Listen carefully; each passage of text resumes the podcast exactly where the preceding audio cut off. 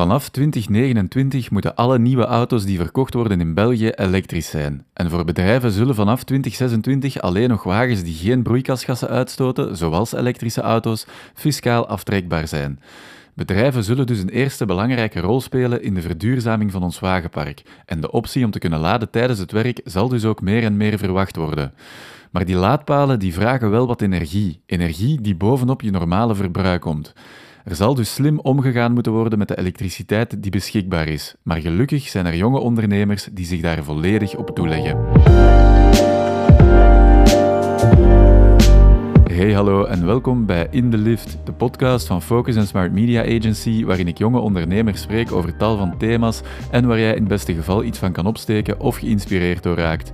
Voor deze laatste aflevering van het seizoen ging ik in gesprek met Jean-François Schijns van Mobility Plus en hij vertelde me alles over zijn missie om iedereen te laten rijden op groene energie en dat aan de hand van slimme laadpalen en alles wat erbij komt kijken.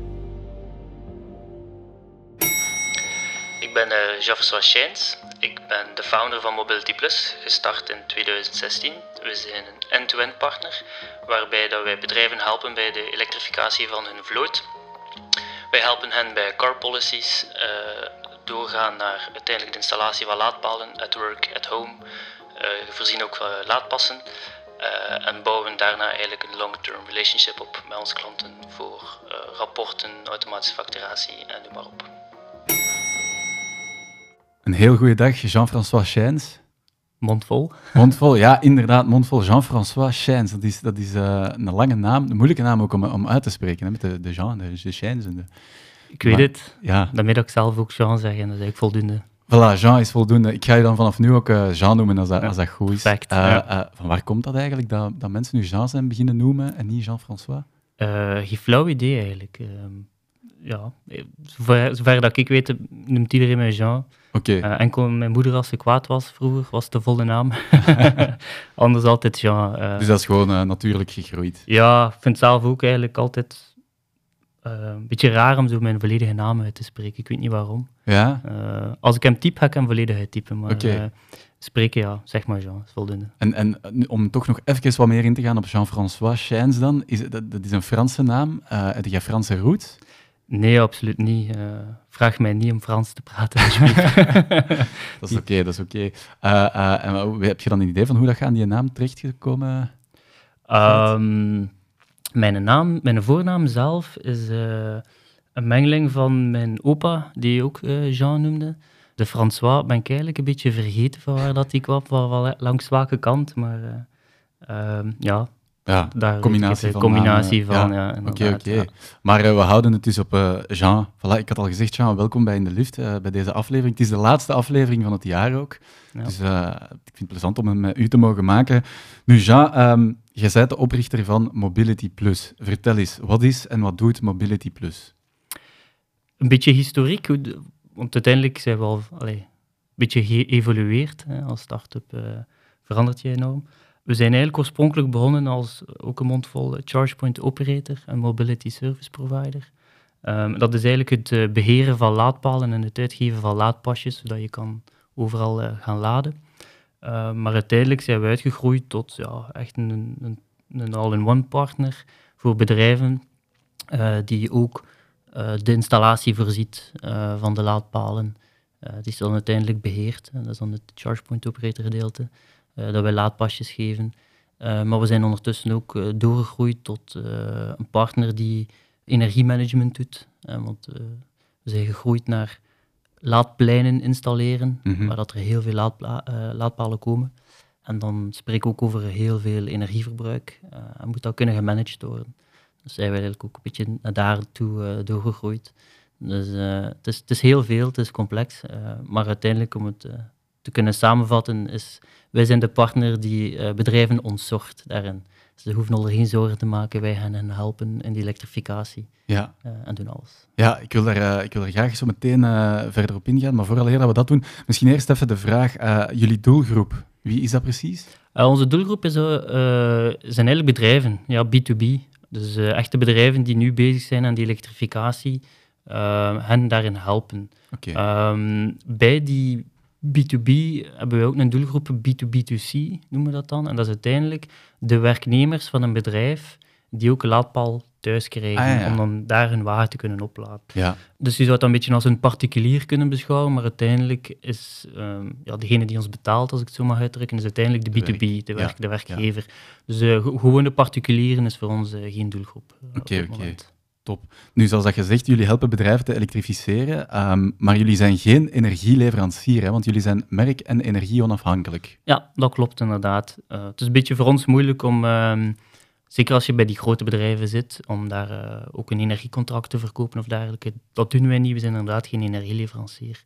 Wij kunnen alleen maar adviezen uitreiken eh, en eventueel partners aanreiken eh, voor eh, de juiste keuze te maken betreffende energieleverancier. Uiteraard zouden wij graag hebben dat iedereen eh, op eh, volledig 100% groene stroom rijdt. En dat kan alleen maar als uw energiecontract dan ook zo is. Maar bij het type bedrijven waar dat we zitten, is dat bijna onmogelijk om daar een stok tussen de deur voor te krijgen. Ja. Dus ja, we zijn geen energieleverancier inderdaad. Oké, en dan merk onafhankelijk, waar slaat dat precies op? Wel, wij, wij hebben meerdere merken van laadpalen in ons portfolio. Dus wij zijn geen fabrikant. Mhm. Eh, wij, wij kopen zelf laadpalen in en gaan die dan uiteindelijk gaan ver- verkopen met onze added value, met ons platform, ons energiemanagement en noem maar op. Eh, maar dus wij allee, fabriceren geen, eh, geen laadpalen. Dus wij werken met meerdere types om eigenlijk een oplossing op maat te kunnen geven aan onze klant. Stel je voor, uw eigen privéparking ondergronds, daar kan je gerust een kunststoffen model hangen, want daar is vandalisme minder van, allee, Mhm, eh, mhm. van sprake. Terwijl eh, we ook al eh, plaatsen eh, dicht bij een discotheek en dan vervolgens daar specifiek doen we een goede stevige paal, anders Ja, ja, gaat hij ja. geen, geen dag blijven staan. Dus wij willen echt wel oplossingen op maat geven en niet specifiek maar één pad hebben en, en zeggen van kijk, dit is wat we jullie kunnen aanbieden en take it. Dat willen we niet, een oplossing op maat. Ja, oké, nee, perfect. Zeg jij, om dan van verder in te gaan op, op wat jullie precies aanbieden. Hè? Dus je zei al van, ja, jullie verkopen en installeren en onderhouden laadpalen, maar ehm, beheren die laadpalen ook. Dat beheren, wat, dat is dan dat charge point eh, Ja, operation, Eh, ChargePoint Operator, ja. Ja. afgekort CPO. CPO, voilà. ja. Vertel mij, wat, wat is dat precies, dat beheren van een laadpaal? Eh, uiteindelijk is dat ehm, ja, de dag van vandaag een beetje Internet of Things. eh, dus een laadpaal, een slimme laadpaal ga ik hem dan ook direct noemen. Ehm heeft vaak een, eh, een simkaart dat we daar kunnen insteken. Mhm. Eh, dat zorgt ervoor dat we die kunnen verbinden aan ons platform. Dus we hebben een online platform. En eigenlijk alles wat er gebeurt op die laadpaal kunnen wij meevolgen op afstand. En dus het beheren houdt eigenlijk meerdere facetten in. Het eerste kan gewoon zijn zuiver van oké, we krijgen de data binnen van wie verladen, om welk uur, wanneer heeft hij gestopt, hoe- hoeveel heeft hij verbruikt en noem maar op. En die data is er en wij kunnen u die als klant dan aanbieden, dat je gewoon kan meevolgen. Ehm, maar het zorgt er ook voor dat we ehm, toegang kunnen bepalen tot de laadpaal. Je kan bijvoorbeeld eh, zeggen als bedrijf, oké, eh, enkel die en die en die personen mogen daar laden en niemand anders. Ah, ja. Dus dan heb je een badge, onze laadpas. En dan als dat op voorhand is ingesteld op ons platform dat die persoon mag laden, dan lukt dat, anders wordt die geweigerd. En zo gaan we dan ei- uiteindelijk verder naar eh, het publiek ter beschikking stellen van laadpalen. Dus ehm, de laadpalen die wij op, op eh, bedrijfssites zetten en dergelijke, gaan wij proberen de klant ervan overtuigen van oké, zet die publiek, zodat als je bezoekers hebt of dergelijke, dat die bij jou kunnen komen laden. Want die hebben zelf een laadpas van ons of van iemand anders, dat maakt eigenlijk niet veel uit. En wij zorgen ervoor dat die persoon daar kan laden. Ons Hmm. systeem doet dat. En uiteindelijk gaat hij dan bijhouden, oké, er is een bezoeker met die laadpasnummer, die kan laden. En wij gaan die dan uiteindelijk gaan eh, factureren, zal ik maar zeggen. En dan jou als eigenaar van de laadpaal, die ook de stroom heeft geleverd, gaan vergoeden. Oké. En het is dus niet zo dat enkel mensen met een laadpas van Mobility Plus kunnen laden bij Nee, laadpalen van Mobility nee inderdaad. Dus wij hebben eh, een roaming-netwerk. Ja. waarbij dat wij verbonden zijn met ja, ondertussen al honderden partners in Europa.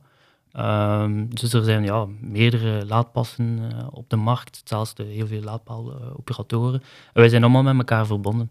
Eh, dus dat zorgt ervoor dat je eigenlijk met één pas ja, overal kan gaan laden. Op ons eigen netwerk, maar ook op andere netwerken. Ja, dus hetzelfde geldt inderdaad voor mensen met een laadpas van Mobility Plus, die kunnen ook gaan laden op Ja, anderen. inderdaad, dat is het, eh, het doel erachter. oké, ja. nee, heel goed. Dan, dan is er nog ja, dat, dat energiemanagement, hè, het managen van, van energie. Wat moet ik me daarbij precies voorstellen? Wel, eh, als, we, als we begonnen in 2016, dan deden wij vaak eh, vier laadpalen en dan waren we dolblij. Eh, en dan kon je dat installeren en er was ook geen probleem, dat ging blijven werken. Mhm. Ondertussen zitten we in een scenario waarbij dat we echt honderden palen op een site plaatsen. Oké. En het verbruik van zo'n wagen opladen wordt wel onderschat. Dat, dat is wel gigantisch veel. En als je, ja, neem nu weg, eh, 100 wagens aan het laden bent, eh, de meeste elektriciteitsvoorzieningen op een site gaan dat niet aan kunnen. Mhm. Ehm, en dus moet er eigenlijk gemanaged worden. En dus we hebben een eh, energiecontroller ontwikkeld, die ook weer merkonafhankelijk eh, verschillende typen laadpalen kan aansturen.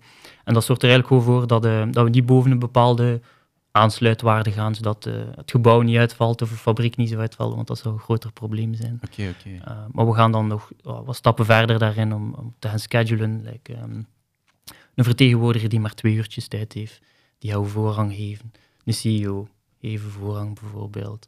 Uh, kortstondige bezoekers kunnen we ook voorrang geven, terwijl dat personeelsleden die echt uh, mooi van 8 uur tot 4 of 5 uur werken en daar een hele dag staan, die kan je echt wel dan um, op een lager pitje laten laden. Mhm. Die hoeven niet zo in, in, in, hoge pieken te laden.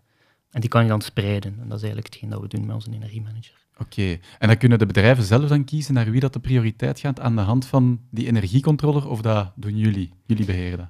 Wel, we zijn nog in volle ontwikkeling, zou Ja, ik zo zeggen. ja, ja, ja. Dus momenteel is, uh, er nog veel bij ons, maar uh, Oké. we zijn allee, er volop aan bezig dat de bedrijven het zelf aan kunnen doen. Door echt te zeggen, oké, die en die en die past, dat is priority en noem maar op. Uh, we zijn ook al in een, in, een, in een eerste versie van een app waarin dat je zelf hebt kunnen aangeven van oké, ik ben een bezoeker, ik heb uh, 60% batterij en ik wil minstens naar 80 en ik sta hier nog twee uur. Dan gaat ons systeem het zelf gewoon weten uh, van oké, we geven die even voorrang. Ja. Als het lukt natuurlijk. Ja, ja, ja. ja. Oké. Okay.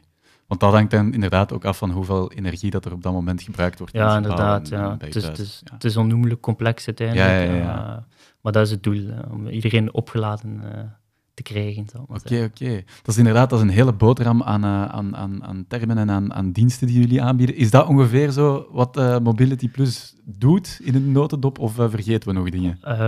ja, nee, ik denk dat dat zo'n beetje zal zijn. Oké, oké. Okay, ja. Dan ben ik heel benieuwd naar het, het ontstaansverhaal van Mobility Plus. Hoe is, het, hoe is het allemaal begonnen? Ja, zoals gezegd, begonnen in, in 2016. Mijn achtergrond is... Ehm, ik ben technieker, industrieel technieker. Ik, ben, uh, ik heb daarvoor ook uh, een ander bedrijf gehad die dan eigenlijk in de, in de woningtechniek in bezig was.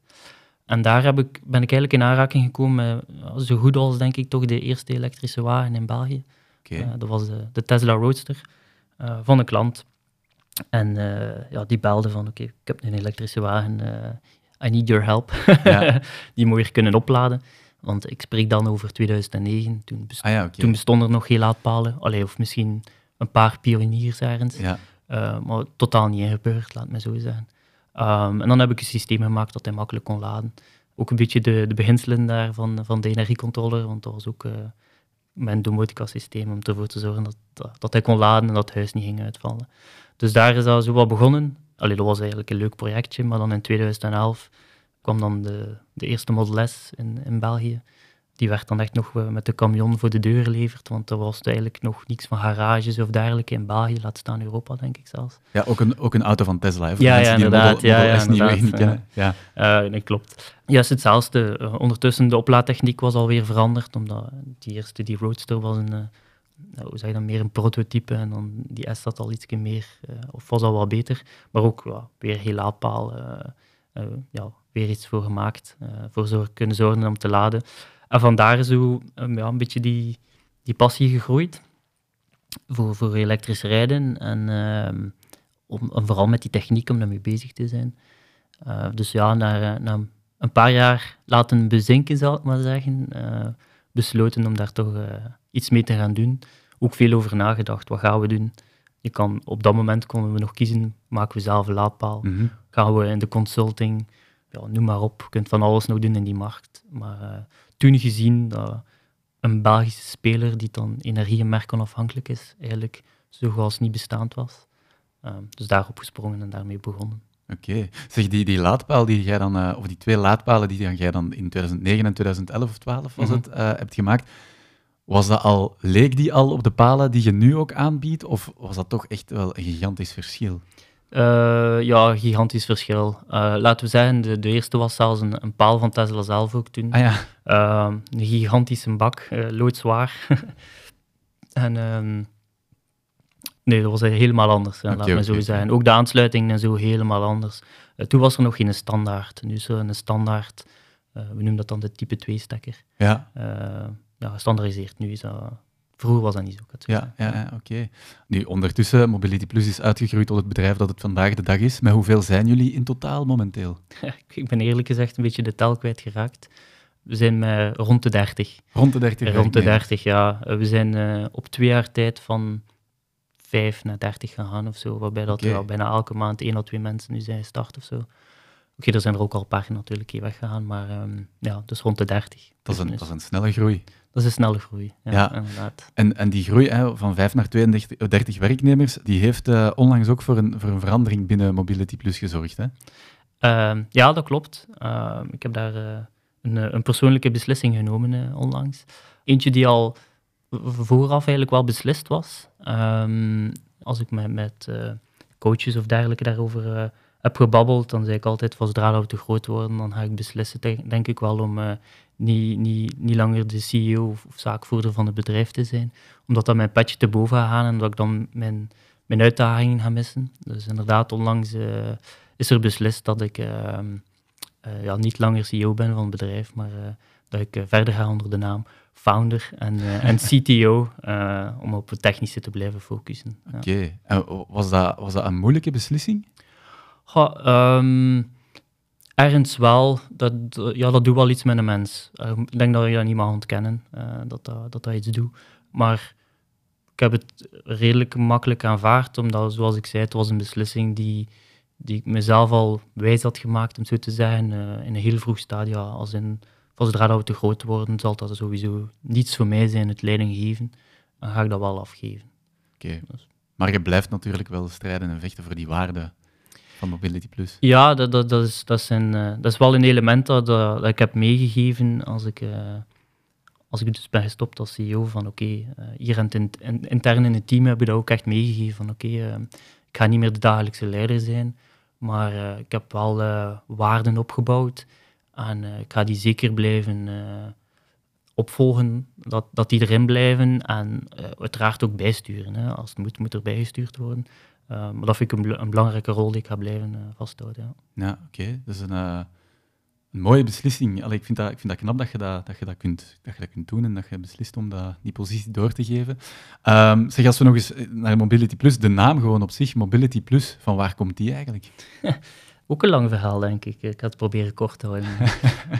um, oorspronkelijk, en dat is, dat is met de, de visies en de dingen die schuiven natuurlijk bij start-ups. Hè. Oorspronkelijk... Um, hadden we het idee van echt op mobiliteit in te zetten. En ja, meerdere mobiliteit, gelijk dat je nu de, de, de typische MAAS-platform, de Mobility as a Service, kent. Mhm. Dat was eigenlijk bij ons al een oorspronkelijk idee in 2016. Oké. Okay. Um, we hadden daar ook een, een, partner voor gevonden die ons daarin ging kunnen helpen. Um, dus, en, allee, het doel was sowieso starten met elektrische wagens. Um, maar we gingen dan kijken om de pasjes die we hebben, dat we die konden uitbreiden. Dat je met diezelfde pasjes kon parkeren, uh, ondergronds of op straat, maar dat je dan even, eventueel daar ook een, uh, een, een, buskaart, een tramticket, een treinticket kon mee kopen of dergelijke. En daar is een beetje de naam Mobility Plus uh, ooit voor gekozen. Ja. maar ondertussen zijn we die serieus wel ontgroeid, zal ik maar zeggen, die naam. Alleen ontgroeid, ja en nee. We, zijn, we, hebben, we hebben ze een andere betekenis gegeven. Uiteindelijk bekijken we het nu als Mobility Plus is de de plus van de nieuwe mobiliteit uh, die er is, de elektrische mobiliteit, en niet meer de plus van multi Meerdere, ja, ja, mobiliteit. Dus we, zijn, we, hebben het een andere invulling gegeven. Omdat, eerlijk gezegd, we hebben daar nog um, serieus over gebrainstormd, drie jaar geleden of zo, denk ik, van we gaan we doen met de naam, gaan we hem houden of niet. Maar ondertussen waren we eigenlijk al met onze naam redelijk hard ingeburgerd uh, in, de, in deze ja, wereld van elektromobiliteit, mm -hmm. maar zeggen, in Baaien. En was het eigenlijk, allee, of zou het stom geweest zijn om deze in deze opnieuw opkomende markt dan al hun naamsverandering toe te passen. Ja. Dus we hebben ze gehouden, um, de naam, en vooral ook omdat eigenlijk krijgen we daar wel heel veel goede feedback op, op die naam. En dan denk ik, oké. Okay. Hoezo, zoals bijvoorbeeld? Oh ja, dat mensen zeggen van, ja, leuke naam, goed gevonden. Okay. Uh, ze, ze zien er zelf ook de juiste betekenis achter Ja. eh, voor ons bedrijf. En, Ja, en is Dat het het belangrijkste. Ja. Absoluut, absoluut. Zeg, als we nu nog eens kijken naar eh, Jean of Jean-François, de ondernemer. Jij bent nu toch al enkele jaren aan het, ondernemen, hè? want dit was niet je eerste bedrijf. Daarvoor heb je ook al een, eh, een bedrijf gehad. Ja. Wat maakt ondernemen zo bijzonder voor u? Ik vind het eh, een beetje moeilijk om erop te, antwoorden, omdat uiteindelijk heb ik altijd zelfstandig geweest. Mhm. En ik heb nooit voor een, een, een baas gewerkt, om zo te zeggen. Dus ik ben niet anders gewoon. Ja, ja, ja. Eh, maar langs de andere kant, als je mij nu de vraag stelt van zou je ooit voor een baas werken, dan denk ik dat het antwoord nee zal zijn. En waarom zou het antwoord Ehm, nee zijn? Omdat ik ja, ehm, geniet wel van de vrijheid en de beslissingen dat ik zelf kan nemen. Ja, Om ja, toch wel aan, de, aan het roer of het stuur te staan en eh, om, om dingen te ondernemen. Ja, moeilijk op antwoorden. Het zit lekker gebakken en ik vind dat vrij plezant. Ik ga dat niet... eh, en dat is altijd dan al zo geweest, ook vroeger al als kind bijvoorbeeld. Eh, ja, eigenlijk ook. Ehm, ik herinner mij zelfs dat ik eh, op mijn, mijn 12 jaar naar mijn, naar mijn moeder ging met een heel plan. Kijk, eh, ik wil een feestje doen voor mijn verjaardag en zo en zo en zo gaat het eruit zien. Max. En dat ze dan zei, oké, straf, ja, is goed, doe maar, laten we dat doen. Ik vond het altijd zelfs leuker om te ondernemen en op het moment zelf, bij wijze van spreken, achter de toog te staan dan voor de toog. Ja, Ja, dus ik denk wel dat dat vandaar komt, inderdaad. oké, de max. Wat zijn zo tot nu toe al de hoogtepunten geweest of de mijlpalen geweest voor u bij, met, met Mobility Plus? De hoogtepunten, ik denk dat er veel hoogtepunten zijn. Hè. Ehm, uw eerste werknemer dat je aanneemt, misschien zelfs dan direct ook de tweede. Eh, en vanaf dan begint het, ik kan niet zeggen gewoon te worden, maar oké, je raakt er nog wel aan gewend. Uw eerste grote klanten dat je binnenhaalt, dat ga ik ook nooit vergeten. Ehm, en dan denk ik, eh, de, de laatste hoogtepunten die er waren, was eh, sowieso het feit dat ik eh, niet meer CEO ben. En dan daarvoor een, een kapitaalsinjectie dat we ook hebben gedaan. Dat is ook een, wel een hoogtepunt. Iets dat je niet alle dagen doet. Dat wel leuk is.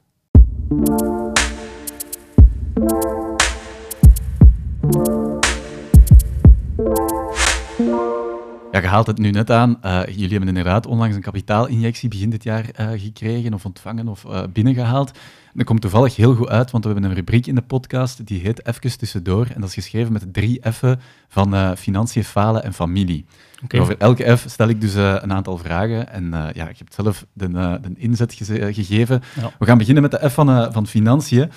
Jullie hebben dus ja, een miljoen aan, aan, aan kapitaal eh, opgehaald. Dat is een smak geld. Eh, vertel eens, met wie zijt je in zee gegaan?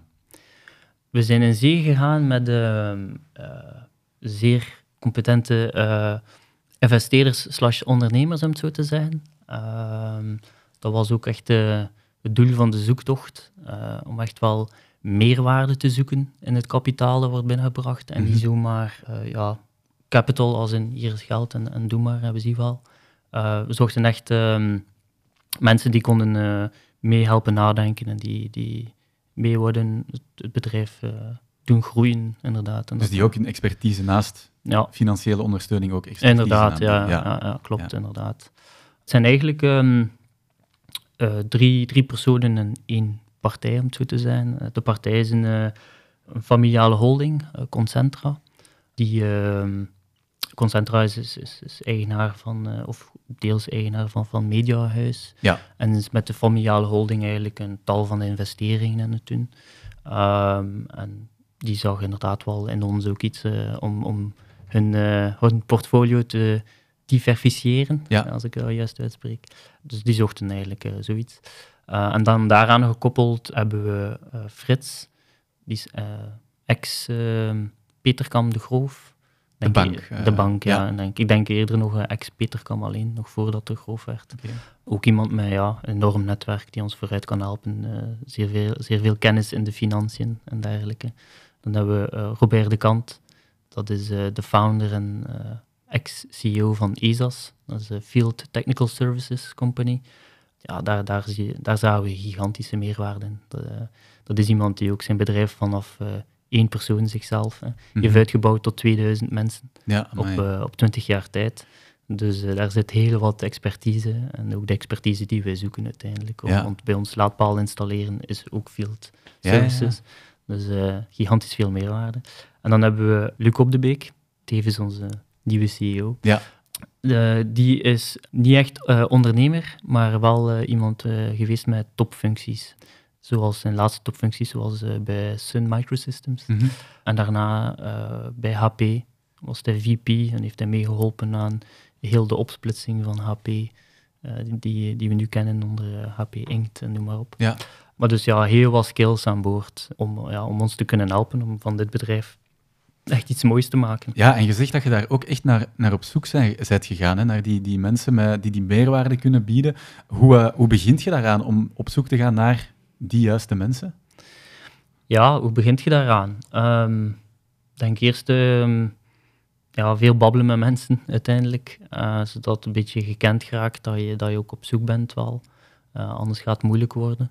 We hebben veel partijen uiteindelijk wel gezien. Het heeft zelfs, denk ik, langer geduurd dan een normale ronde, om het zo te zeggen. Mm -hmm. Gewoon omdat ik op zoek was naar de juiste mensen, de juiste partij. En uiteindelijk uh, uh, hebben wij ja, Gen gevonden via, via nog een tussenpersoon, een tussenpartner die, uh, die ook een groot netwerk had en die ons daar allee, heeft ons kunnen voorstellen aan elkaar. Ja. vanaf dat heen was, het, was er eigenlijk wel een direct een goede klik. Dus okay. dat was wel leuk. Ja. Dus veel praten met mensen en netwerken, daar komt het op neer. Ja, daar komt het inderdaad ja. wel op neer. Nee, dat is belangrijk, absoluut. Zeg, uh, ze, uh, jullie hebben dan die, die, die kapitaalinjectie gekregen of ontvangen. Um, zijn er eigenlijk voorwaarden om dat te krijgen, zo'n kapitaalinjectie?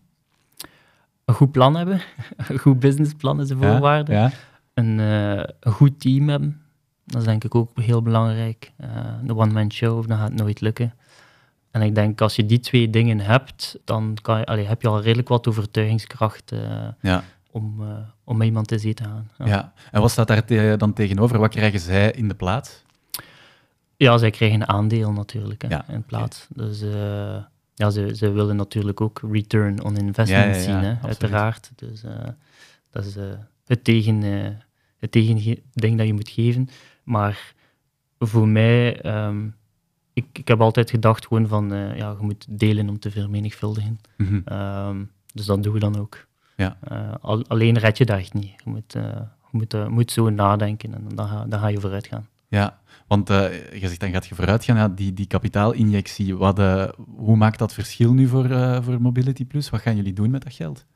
Well, dat geeft extra slagkracht. Hè. Um, in een bedrijf zoals het onze, waar dat de markt zo gigantisch snel aan het gaan is, heb je mensen nodig, resources nodig. En, en daarvoor gebruiken we dat geld vooral. Mhm. Om, uh, om, om de juiste mensen aan te trekken. Anders, als je dat niet hebt, dan moet je organisch groeien, maar dan ga je traag groeien. Wat dat ook goed is. Maar in de markt waarin dat wij zitten, uh, is dat niet goed. We, mo we moeten snel kunnen groeien. Uh, en daarvoor hebben we dat nodig. Dus het gaat vooral om resources, echt mensen zoeken. Oké, okay, dan, dan gaan we naar de F van, van falen. Um, nu, het is een vraag die ik wel aan, aan meerdere ondernemers heb gesteld al in deze, in deze podcast, is ja, hoe staat je daar tegenover, tegen falen? Uh, falen, ja, falen is, is nooit plezant, denk ik. Maar uit falen ga je wel het meest leren. Klinkt heel cliché, maar um, ja, dat is wel zo. Hè. Als je ergens tegen de lamp loopt, dan, dan, dan pas leer je het. Hè. Dan ga je jezelf aanpassen om in de toekomst niet meer te falen. Dus ja, falen, falen mag, uiteraard als je niet faalt of, of um, nou, nooit hebt gefaald, ik weet niet, dan, dan ga je ook niet verder geraken, denk ik. Ja, je hebt dat nodig. Je moet af en toe een keer tegen die lamp lopen uh, ja. om jezelf te verbeteren of om het bedrijf te verbeteren. En herinnert jij je zo concreet momenten waarin dat je het gevoel had van, ja, hier, heb ik nu, hier ben ik nu toch wel serieus tegen de lamp ge gelopen? Oh, um, serieus tegen de lamp gelopen? Ja, ik kan nu niet zo direct uh, op één komen. Ja. Um, maar ja, er zijn zo wel van die momenten waarin dat, dat wel een keer gebeurt. En, um, ja. Kun je daar dan goed mee omgaan? Laten we zeggen dat ik wel uh, toch een goede dag een keer kan downlopen en, en, dat ik uh, minder productief zal zijn. Uh, maar daarna relativeer je dat en dan ben je weer vertrokken. dat is dan de veerkracht die er is. Maar ja, ik kan er wel mee omgaan. Maar ik heb wel wat recuperatietijd soms nodig. Ja. ja. En heb jij, heb jij, doe jij bepaalde dingen om dat dan te kunnen relativeren? Is dat, ja, ik weet niet, sommige mensen gaan, gaan sporten of sommige mensen kunnen gewoon die knop heel gemakkelijk omdraaien. Heb jij ook zoiets? Ik denk dat ik uh, gewoon die, die tijd nodig heb ja. uh, bij mij. Um, ik ben niet zo'n sporter om dan te gaan zeggen, ik mij daarin gaan uitleven of dergelijke. Uh, ja, nee, gewoon even laten bezinken, tijd laten overgaan. Een keer over babbelen. Ik denk dat dat ook heel veel doet, uiteraard. Uh, niet, niet zelf alleen mee rondlopen. Dat zal al veel doen. Ja. En dan, dan is er nog de F van familie natuurlijk. Um, ja, je hebt een gezin met twee jongere kinderen. Ja. Uh, ik denk 2 en 5 of 3 en 5? Uh, ja, 2 en 5, voilà. 2,5. 2,5 en 5, voilà, dat, is, uh, dat is nog bijzonder jong. Hoe is dat te combineren met, met het bedrijf en met Mobility Plus? Ja, dat, dat is geen, geen gemakkelijke, dat ga ik eerlijk toegeven. Daarin, daarin heb ik toch al een tijd lang gestruggeld om mijn work-life balance daarin te vinden. Oké. Okay. Um, en nu, nu begint dat uh, oké te komen. Uh, ik heb daar ook uh, hulp in gekregen om mij daar een beetje in bij te staan. En nu begint dat goed te komen. Als in, ja, voor jezelf gewoon durven knoppen omdraaien effectief. Um, nu is het weekend, nu is het family time. Het werk laten we even liggen. Ik weet dat je mailbox overvol is en noem maar op, maar leave it as it is. Um, ja, daar, daar echt mee leren omgaan. Dat was geen gemakkelijke, maar... En hoe, komt, hoe, hoe zij daarmee leren om beginnen gaan? Hoe komt dat je dat nu beter kunt? Ja, ook een moeilijke... Um, misschien mij ouder worden ook. uh, maar goed, nee, ik laat mij ook wel bijstaan door, door, door, door coaches, ga ik ze dan noemen. Ja, die mij daar ook in helpen. Uh, um, ja, zij hebben veel meer jaren op hun teller staan, als ik het zo mag zeggen. Die, die hebben al al die dingen meegemaakt.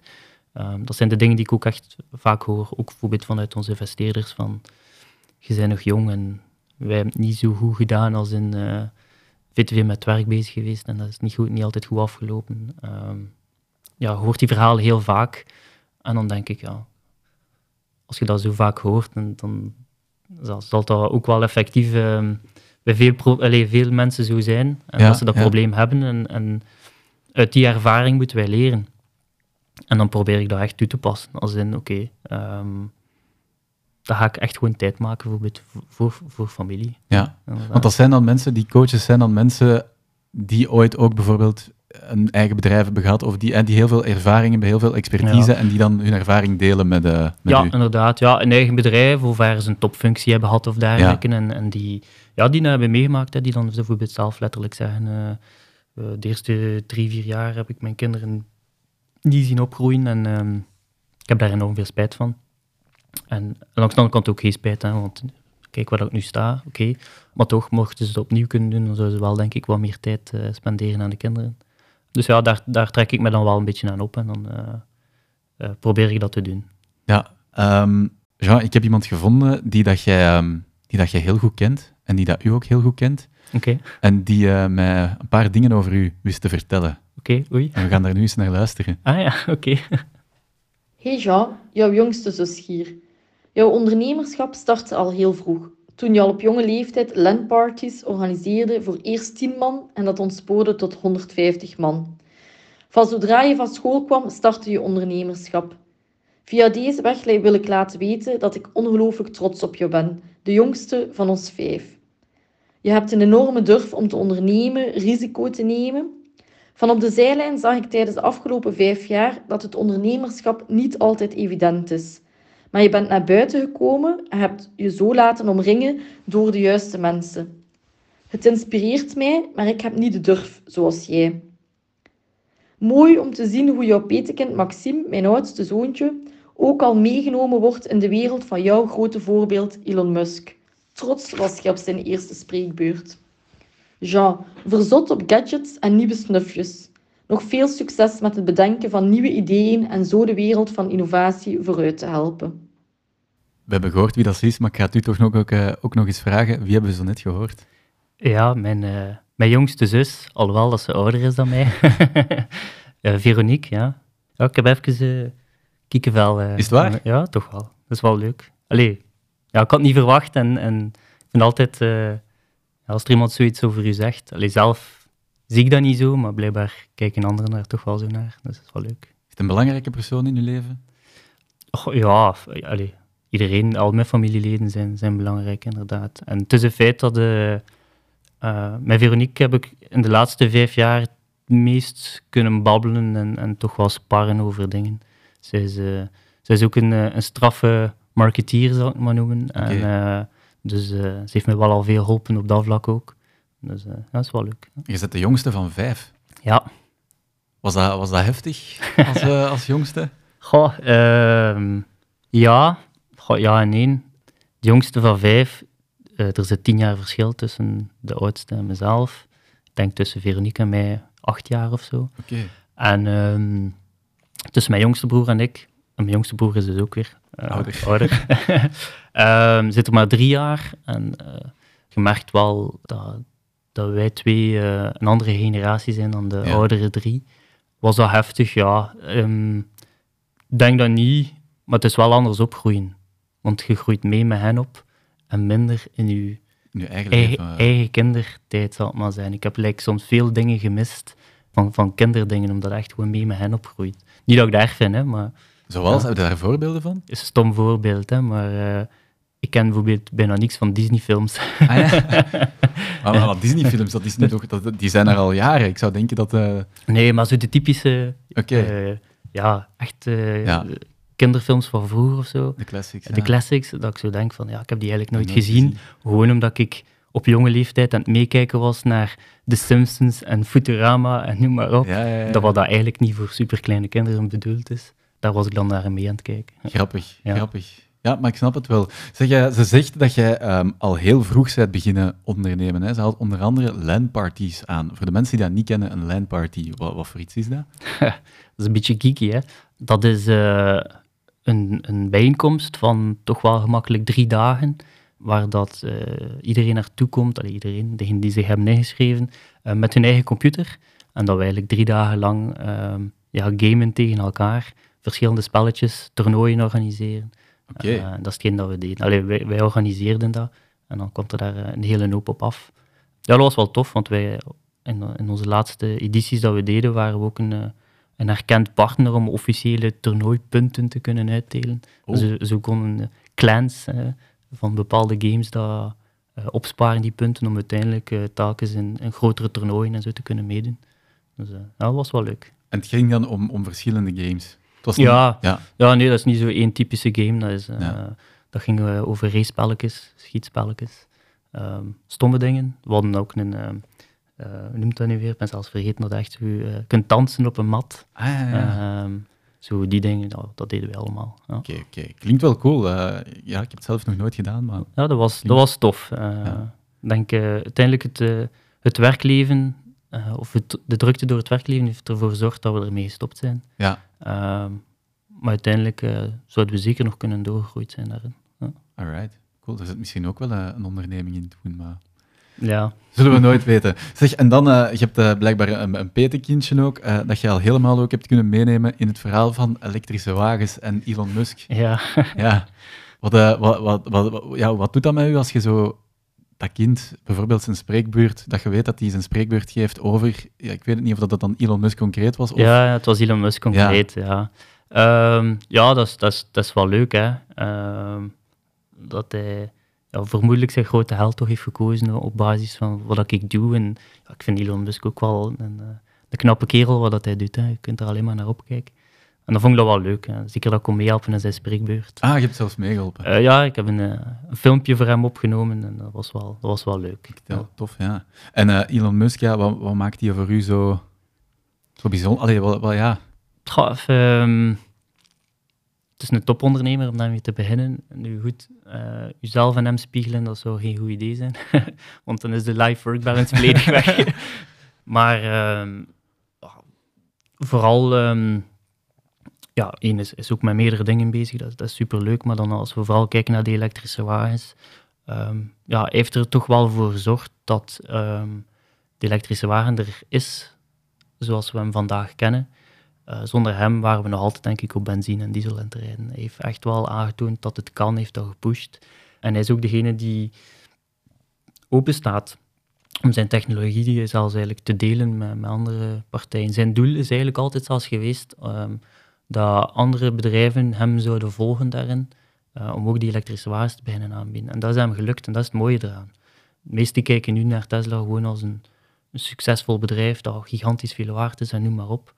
En is de rijkste mens en bla bla bla. Maar het zijn uiteindelijk doel was, was die massale adoptie van EV's uh, teweeg kunnen krijgen. En als alleenstaand bedrijf kunnen dat nooit uh, doen. Hè. Ze nooit alle wagens van heel de wereld kunnen produceren, maar het is hem gelukt om ja, Volkswagen, BMW en noem maar op uh, daarin mee te krijgen op die kar. En kijk nu, het, wordt, het is verplicht bijna, allez, binnen een paar jaar om Only EV te rijden. Dus dat, dat vind ik mooi.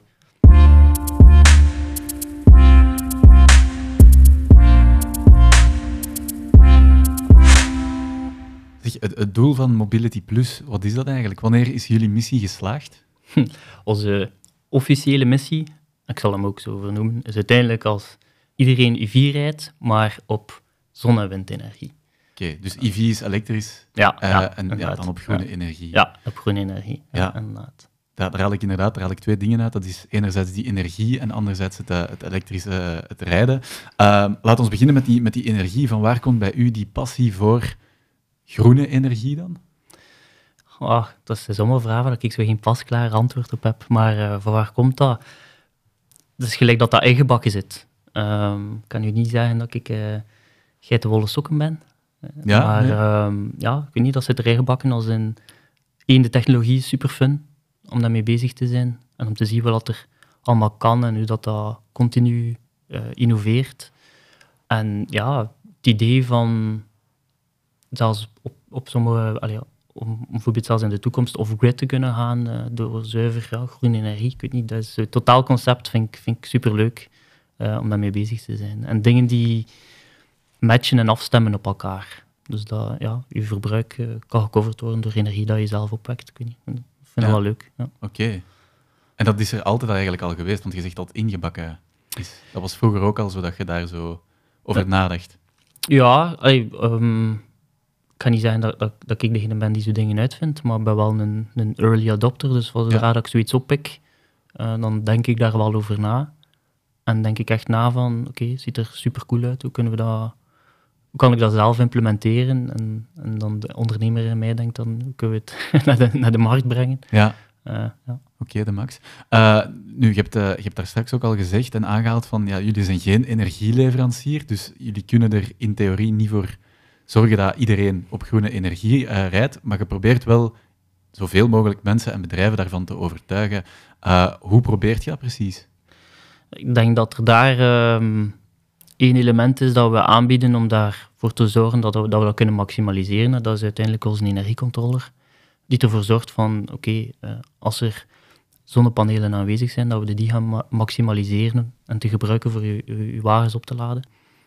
Want heel veel bedrijven hebben gigantisch veel zonnepanelen bijvoorbeeld, maar uh, injecteren dan ook veel energie en dat is jammer. Ze beter ze zelf opgebruiken. En met een energiecontroller kunnen we dat waarmaken. Uh, en op die manier kunnen we ja, het groene aspect uh, waarmaken.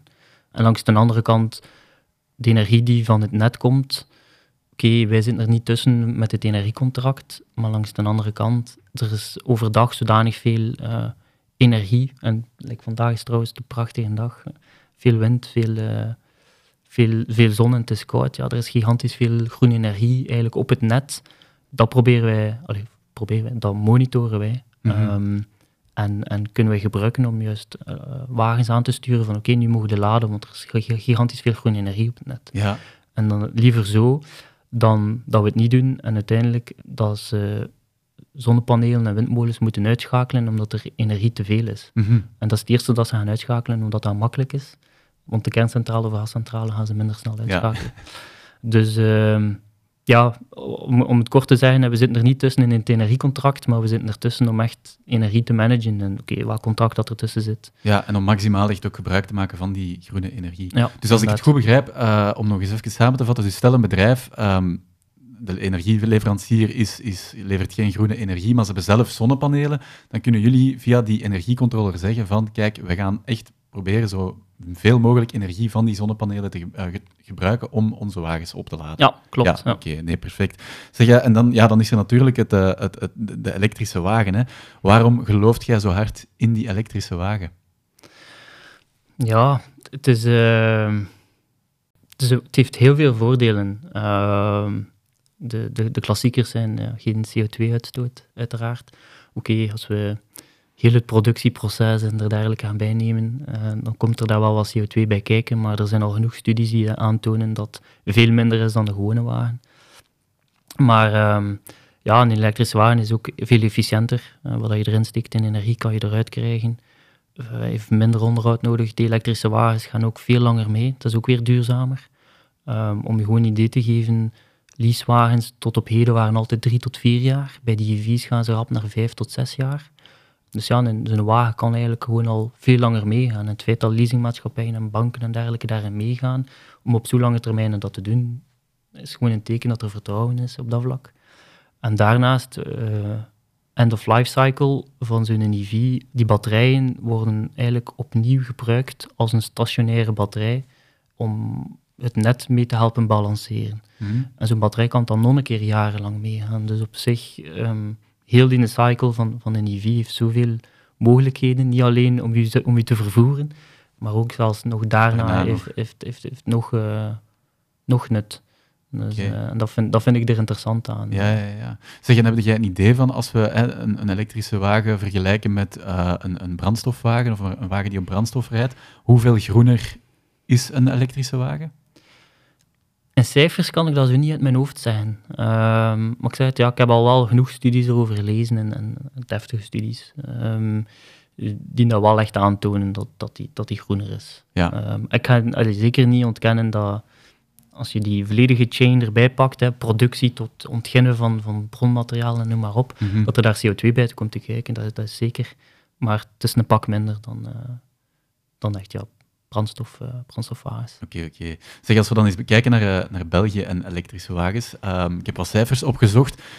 In België rijdt nog niet veel volk rond met een elektrische wagen. Ik dacht, uh, volgens, volgens Stadbel, ongeveer 0,7% van het aantal personenwagens in België is elektrisch.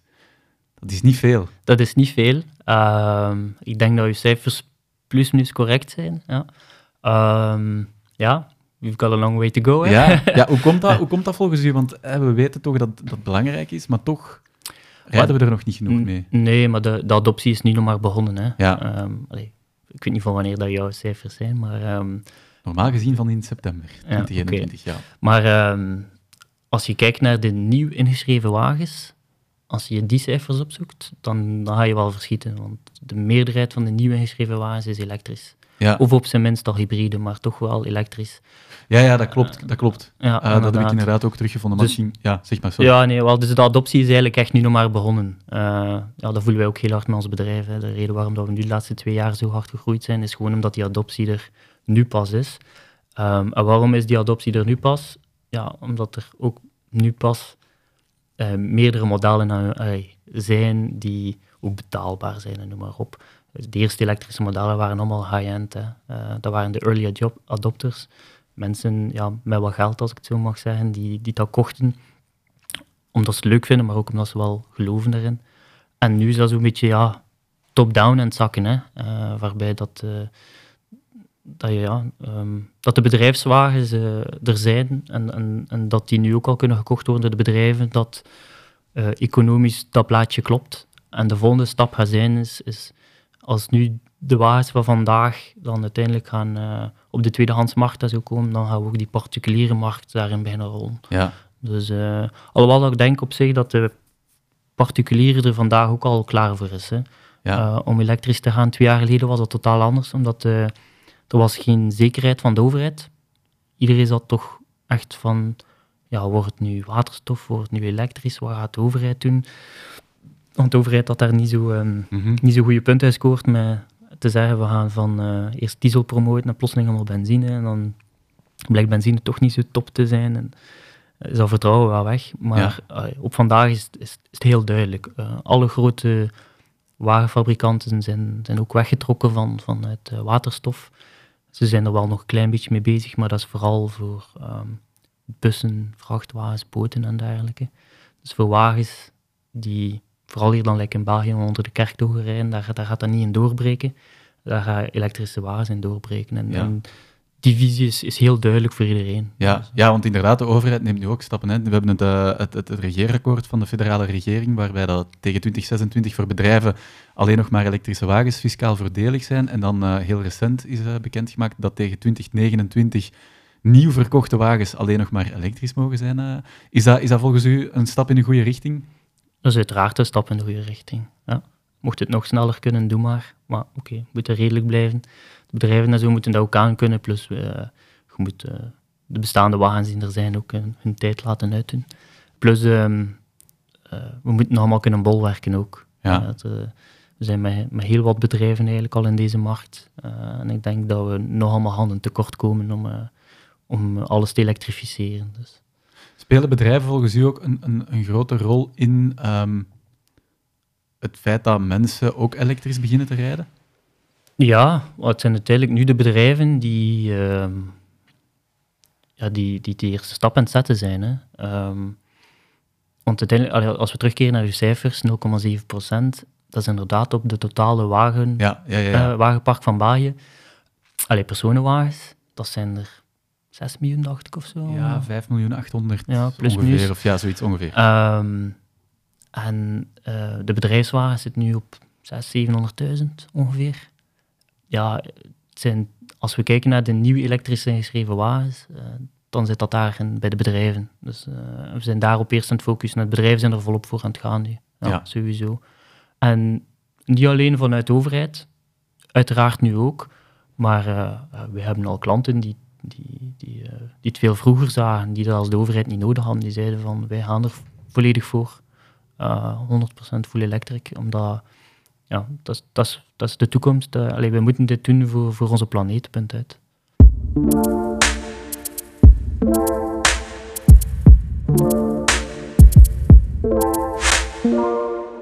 Dan zijn we alweer aangekomen bij de volgende rubriek. Dat is die uh, over levensmotto's of mantra's. Want ik heb u ook gevraagd om eens na te denken over een levensmotto of een mantra. Ik ben heel benieuwd. Wat, uh, wat is uw levensmotto? Ik, ik ben zo'n atypische daarin. Ik heb weinig motto's of, of ja, hoe zeg je dat? Ik denk waar ik mij lekker aan vasthoud of in het leven. Maar ik heb er inderdaad even over nagedacht. En uh, ik ben eigenlijk eerder iemand die, die is van go with the flow. Um, als er iets gebeurt, deal with it. Go with the flow. Niet, niet, niet lang blijven bij stilstaan. Um, shit happens and go on. Oké. Okay.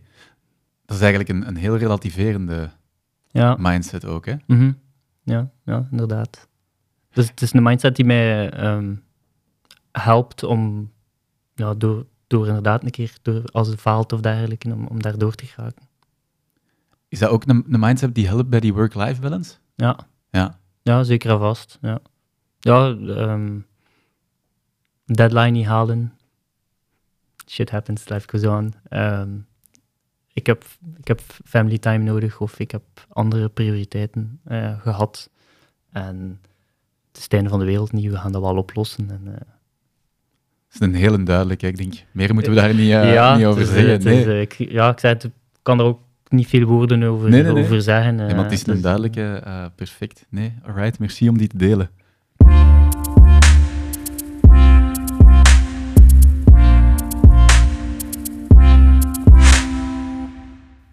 De, de toekomst van mobiliteit, hoe ziet die er volgens u uit in een ideale wereld? Um, in een ideale wereld? Um, ik zit dan misschien wel in, inderdaad in de sector van de elektrische wagens. Um, en je zou dan denken, hoe meer wagens, hoe meer palen dat ik zou kunnen verkopen. Maar ik zou uh, liever eigenlijk teruggaan naar, ik weet niet, tien jaar geleden of misschien twintig jaar geleden, waarbij dat we geen 7 miljoen personenwagens hadden. Uh, maar, maar vier of zo. Mm -hmm. um, alles zou veel vlotter gaan terug, het verkeer en dergelijke. De toekomst van de mobiliteit is een, eentje die ja, een mix is van van alles en, en vooral ook gedeeld. Ik neem nu ook meer en meer het openbaar vervoer, als ik dat kan. Um, ik kom vaak met fietsnetwerk. Ja, ik probeer zo die dingen te doen en dat is, dat is, ja, dat is mijn visie op de mobiliteit. Um, sowieso meer fietsen, minder wagens, toch wel de wagens meer inzetten uh, op, ja, op sharing en noem maar op. Ik ben wel voorstander van, van het Uber-model. Ja. Ik heb dat een paar keer in het buitenland allee, gedaan. Ik vind dat fantastisch. Mochten ze dat hier in België hebben, instant. Ehm, ja, om een idee te geven, ik had vroeger ook twee wagens. We hebben de ene weggedaan. Ja. We hebben een, een goeie, echt een bakfiets gekocht. Ah, kijk, kijk. Ehm, ja, gewoon twee wagens is uiteindelijk niet nodig. Ja. Eén, goede afspraken, en dan lukt dat wel. En eigenlijk dat fietsen, dat is super plezant. En, eh, en voor de rest, ja, openbaar vervoer pakken. En, oké, en, en systemen gebruiken, niet makkelijk maken. Hè. Dan komen we terug in het mobility as a service. Maar- Ja, ja. Heel goed. eh, het cliché van eh, de jonge vader of het jonge koppel met twee jonge kinderen en de bakfiets is bij deze ook weer even bevestigd als millennial. Ja. Nee, maar inderdaad, ja, minder, en minder wagens proberen te, te behalen. En als we dan eh, de wagen gebruiken, zoveel mogelijk gedeeld en elektrisch dan hopelijk. ja. Want het is duidelijk, hè, die nood aan verduurzaming en vergroening in onze maatschappij, dat daar eh, steeds meer vraag voor is ook. Hè, zowel bedrijven als eh, die, die maatregelen, die, die klimaatakkoorden bewijzen het nog maar eens. Ik kan me inbeelden voor Mobility Plus, die, die akkoorden, dat is fantastisch nieuws natuurlijk. Ja, dat is leuk. Hè. Dat, dat, dat geeft elke keer boost, die akkoorden. Ehm, alhoewel dat ze voor mij soms zelfs nog strenger zouden mogen zijn. Eh, Oké. ja. Allee, we, moet- we moeten echt wel vooruit gaan daarin. Eh, en dat is niet alleen over eh, de elektrische mobiliteit. Hè. Dat gaat ook over eh, heel het verhaal omtrent kernenergie en gascentrales en noem maar op. Dus ze mogen wel wat strenger zijn op die klimaatakkoorden. Oké, maar goed, de, de, de akkoorden die er nu liggen, die liggen er. Mhm. Wat zijn de verwachtingen met die akkoorden in het achterhoofd voor Mobility Plus voor de komende x aantal jaren? Ja, ehm, de verwachtingen zijn, is, ik denk dat wij ehm, genoeg werk hebben. Eh, om het zo uit te drukken. Ja, de, allee, ehm, de cijfers al een paar keer aangehaald. Hè. Er zijn een paar miljoen wagens die moeten geëlektrificeerd worden. Hè. En er is no way back, ze moeten allemaal geëlektrificeerd worden. Het gaat dus een paar jaar overgaan. Dus eh, ja, ik denk dat we ons werk hebben, sowieso. En het is nu een beetje aan ons om bedrijven en in de toekomst ook particulieren daarmee eh, wegwijs te helpen. Het is allemaal nieuw. Ehm, wie weet dat we toch nog iets doen in de gedeelde mobiliteit, I don't know. Maar het zal vooral eerder eh, op het energieluik zijn ook. Voorlopig blijft de focus wel ook nog liggen op die laadpalen. Vooral. Ja, ja, uiteraard. ja. want we hebben er gigantisch veel nodig. Ik denk tegen 2030 150.000 eh, is er sprake van, zoiets. Ja, We hebben daar nu nog helemaal niet veel. eh, ik denk dat er 4200 publieke laadpalen zijn in, eh, in Vlaanderen of België. ja die cijfers... eh, Ja, Swat, we, hebben er, we, hebben er, we hebben er nog heel veel nodig. En, en wat ik me dan wel afvraag is, ja, jullie focussen nu vooral op die, op die eh, B2B. Ehm, is het op termijn ook wel de bedoeling om publiek beschikbare laadpalen te, te plaatsen? Goh, moment, ja, wij kijken daar momenteel niet echt naar. Ehm, het businessmodel ligt, is niet zo top momenteel daar. Ehm, er zijn andere partijen die dat al hebben gedaan. Die zijn daar niet zo, niet zo goed uitgekomen, om het zo te zeggen. Die zijn er ook echt zo wel van aan het afstappen. Het is misschien nu wel negatief hoe dat ik dat zeg. Langs de andere kant blijven er uiteraard publieke palen bij komen. Hè. Maar ehm, ja, wij, wij zijn nog altijd van mening van laden thuis en op het werk. En het is daarop dat we ons aan het focussen zijn. En, en de palen die wij op, op het werk zetten, zijn uiteindelijk ook publiek. Hè. Ehm, maar we noemen dat dan semi-publiek. Dus ze staan niet langs de stoeprand.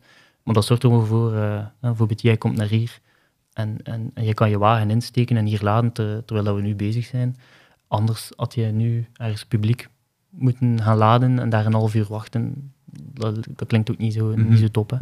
Dus dat zal niet zo rap een focus van ons worden. Het is een ganz ander businessmodel. Maar allee, ik kan niemand tegen om dat te doen natuurlijk. Hè. Ehm, alle, alle partijen die er vandaag zijn die dat doen, kan ik alleen maar toejuichen, want zij zijn degenen die wel het vertrouwen en de macht geven om te zeggen van kijk, we hebben publieke palen eh, en je kan bij ons komen laden. Dus dat is zeer goed. Ja, nu, je hebt daar straks eh, ook al verteld, ja, een auto opladen, daar, eh, dat gebruikt of dat vraagt heel veel energie, heel veel stroom. De grote vraag die in dat hele kader van tegen 2030, eh, hè, allemaal geëlektrificeerde wagens en zo te gebruiken, de grote vraag die gesteld wordt is, ja, kan ons energienet dat wel aan? Wat is, eh, wat is uw mening of uw antwoord daarop? Eh, volmondig ja. Oké. Ja, die kant aan. Ehm, ook weer studies rond gebeurd. En eigenlijk, de energieconsumptie op vandaag is gigantisch. Door onze industrie en dergelijke dat we hebben. En als we daar bovenop de elektrische wagens gaan leggen, dan gaat dat verbruik eigenlijk, ik dacht iets van een 5% stijgen. Wat eigenlijk echt niet veel is. Dus uh, het energienet kan dat aan. En ik ga dan nu het nuanceren en terug een beetje reclame maken voor onze energiecontroller. Als in, als iedereen s'avonds gaat thuiskomen om zes uur en zijn auto gaat insteken, nee, het energienet, het energienet kan het niet aan. Mm zowel lokaal niet in uw straat, de straat gaat gewoon uitvallen en de kans is groot dat we effectief een blackout zouden hebben. Dus daar komen we weer met onze oplossing, de energiecontroller die ervoor zorgt, oké, okay, steekt u een auto maar in om zes uur, maar wij geven geen startsignaal om te beginnen laden, we geven het startsignaal pas, ik weet niet, 8 uur, 9 uur, uh, wanneer dat er terug genoeg energie voorhanden is. En dat is een voorbeeld nu van s'avonds, maar dat kan even goed ja, ook overdag zijn, uh, dat we daar rekening mee moeten houden. Maar op zich, het energienet kan het aan, maar uh, slim sturen, dat is echt een boodschap. Ja. en het is daarin dat wij de toekomst al zien. Energiemanagement en de energiecontroller. Ja. Voilà. Zeg, en, en zo... Ja, ik weet, het doel van Mobility Plus is om iedereen groen te laten rijden, maar zo... ja, als we kijken naar... stel, je zet op het einde van je leven hoe zou je dan graag op Mobility Plus terugkijken? Wat zou je graag met Mobility Plus willen bereiken? Ja, ik denk uh, dat we uiteindelijk onze visie een beetje hebben kunnen waarmaken. Hè. Als, als, iedereen inderdaad geëlektrificeerd is en echt op groene energie kan rijden, dan, dan, dan ga ik al heel blij zijn. En ik denk uiteindelijk, ja, we, wil, we willen graag met Mobility Plus ook een mooi netwerk uitbouwen. En als we dat hebben, dan denk ik wel dat we tevreden gaan zijn. Maar ah, het, het, einddoel is uiteindelijk gewoon dat we ja, zoveel mogelijk groen rijden. Daar, daar komt het op neer. Ja. Uh, vind ik belangrijk. Laten we zeggen gewoon dat we de, de CO2 eruit willen ja. van de elektriciteitsproductie. Oké. Okay. Heb jij nog andere dromen als ondernemer? Oh, um, ja, dromen of ideeën. Want uh, ja, het is ideeën met de vleet. Uh, dat, dat staat niet stil, hè. maar je moet voor jezelf dan beslissen, oké, nu focus ik alleen maar op dat idee. En uiteindelijk een idee wordt, allez, is een droom en dan probeert je hem waar te maken. Dus zijn er nog dromen, zeker aan vast. Welke kan dat eigenlijk nu nog niet, niet goed zeggen. Ik zal altijd bezig blijven, ik vind dat super leuk om te doen. Dus laten we zeggen dat misschien mijn droom is dat ik nog zo lang mogelijk bezig kan blijven en, en, en kan en mag ondernemen. Ja, Oké. En uh, op persoonlijk vlak zijn er daar zo nog dingen, zijn er bepaalde dingen die je in het leven echt nog gedaan wilt hebben? Misschien een keer wat meer reizen. Oké. Nee.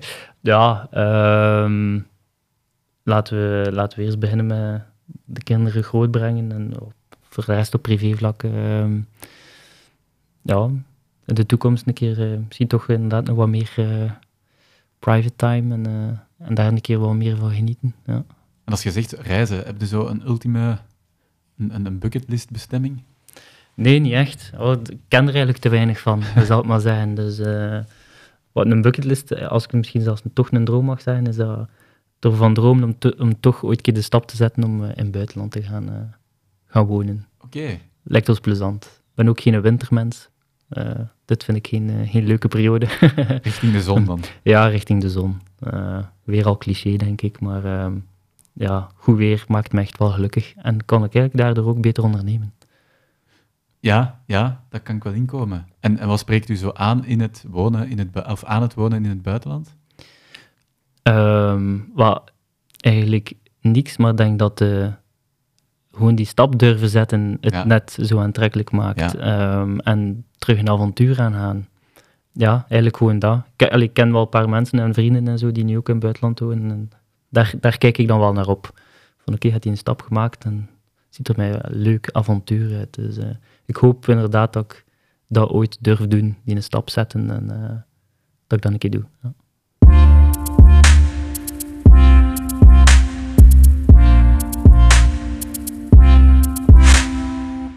Jean, we zijn uh, bijna aan het einde van de aflevering gekomen, uh, maar eerst is er nog onze startersketting waarbij ik u dus een vraag ga laten horen van uh, de vorige gast. En daarna is de bedoeling dat jij een vraag stelt aan de volgende gast, zonder dat je weet wie dat is of wat dat die persoon doet. Ja. Um, mijn vorige gast, dat was Jeroen de Wit van, van Teamleader. Oké, okay, ja. Je kent hem? Uh, niet persoonlijk, al een paar keer ontmoet. Oké. Okay. Uh, ja, ik weet wie dat is. Voilà, ja, Teamleader is een, een Gent softwarebedrijf dat een work management oplossing heeft, heeft ontwikkeld voor KMO's. En hij heeft de volgende vraag voor u. Wel, de vraag die ik wou stellen is van ja, uh, what is the one mistake you want to share uh, die, je, die, je, ja, die je niet meer opnieuw uh, zou maken? Ai. Dat is een pittige vraag, hè? Een pittige vraag. Dank u, Jeroen. Oh. The one mistake dat je niet meer opnieuw wil doen. Um, ik denk dat is met, met vrienden samenwerken. Um, proberen scheiden vrienden zijn vrienden en business is business. Want dat combineren is, is, is not so good idea. Ik heb dat eenmalig gedaan omdat ik het nodig had. En die persoon had het ook nodig. Uh, maar uiteindelijk is dat niet zo goed uitgedraaid. En dat, is, uh, dat is eentje dat ik inderdaad uh, heb geleerd van uh, don't do it. Ook al worden zodanig veel gewaarschuwd daarvoor. No matter what, ja, denk ik gewoon niet doen. Ik heb, ik heb zelfs nu ook een zeer goede vriend die, waarmee dat we dat altijd denken van we moeten niet samen doen, maar allebei zeggen nope, we're not going to do it. Oké. En denk je dat dat voor iedereen zo is? Ja, I don't know. Voor de, voor de meerderheid misschien toch wel, ik weet het niet. Allee, laat me zeggen, als je, als je denk als je van, bij wijze van spreken, van, van school komt en, en hebt samen een idee en je zit aan het uitbouwen of zo, kan misschien wel werken. Omdat je dan zo samen aan het opbouwen bent, maar anders, ja, ik weet het niet. Ik denk dat er al heel wat voorbeelden zijn waarin dat misloopt of dat ze uiteindelijk uh, op, op, op een propere manier kunnen scheiden van elkaar, maar uiteindelijk zie je de meeste wel scheiden als vrienden hebben samengewerkt. Dus uh, ja, ik zou, okay. ik, ik, dat is een eerlijk antwoord. Ja, ja. het was een Pittige vraag. Ja, pittige vraag, maar wel een eerlijk antwoord. Dat kunnen we alleen maar appreciëren. Dan uh, heb ik nog een finale vraag voor u. En dat is, wat wilt jij graag te weten komen van, uh, van de volgende gast? Oké. Okay. Um, ik zou graag te weten komen of dat de volgende gast um, liever organisch zou groeien. Of liever uh, ja, fast-growing zijn, maar dan met eventuele kapitaalinjecties erbij. En waarom zou je die, graag, die vraag graag willen stellen? Omdat dat toch wel een belangrijke keuze is dat je moet maken met je bedrijf. Want beide zijn fijn, hè? beide zijn goed. Maar het is toch wel een keuze die je moet maken. Het kan zijn dat natuurlijk de gast totaal niet in een markt zit waarin dat hij fast growing moet gaan. Maar um, toch, het is, het is een. Mocht je in om teven welke markt zitten, um, om teven wat bezig zijn van ondernemen, heb je het liever nice en easy, dat klinkt misschien wel wat verkeerd, maar gewoon organisch, rustige groei, of zou de ook een keer uh, full gas willen gaan, maar heb dan wel een kapitaalinjectie nodig. Oké, ik ben benieuwd naar het antwoord. Jean, Jean-François Schijns, dikke merci uh, voor dit gesprek en nog uh, heel veel succes ook met de toekomst van Mobility Plus. Ja, dankjewel. Graag gedaan. Jean-François Schijns. Bedankt om te luisteren naar de twintigste en laatste aflevering van het tweede seizoen van In de Lift. Een hele dikke, dikke merci om ook dit jaar weer elke keer opnieuw te luisteren. En mocht je nu een aflevering gemist hebben, dan vind je die uiteraard terug in je favoriete podcast-app. Je mag ons ook nog steeds volgen op Instagram en contacteren via podcast underscore in de lift at smartmediaagency.be en blijf vooral ook reclame maken bij iedereen die je kent. Merci en tot de volgende keer.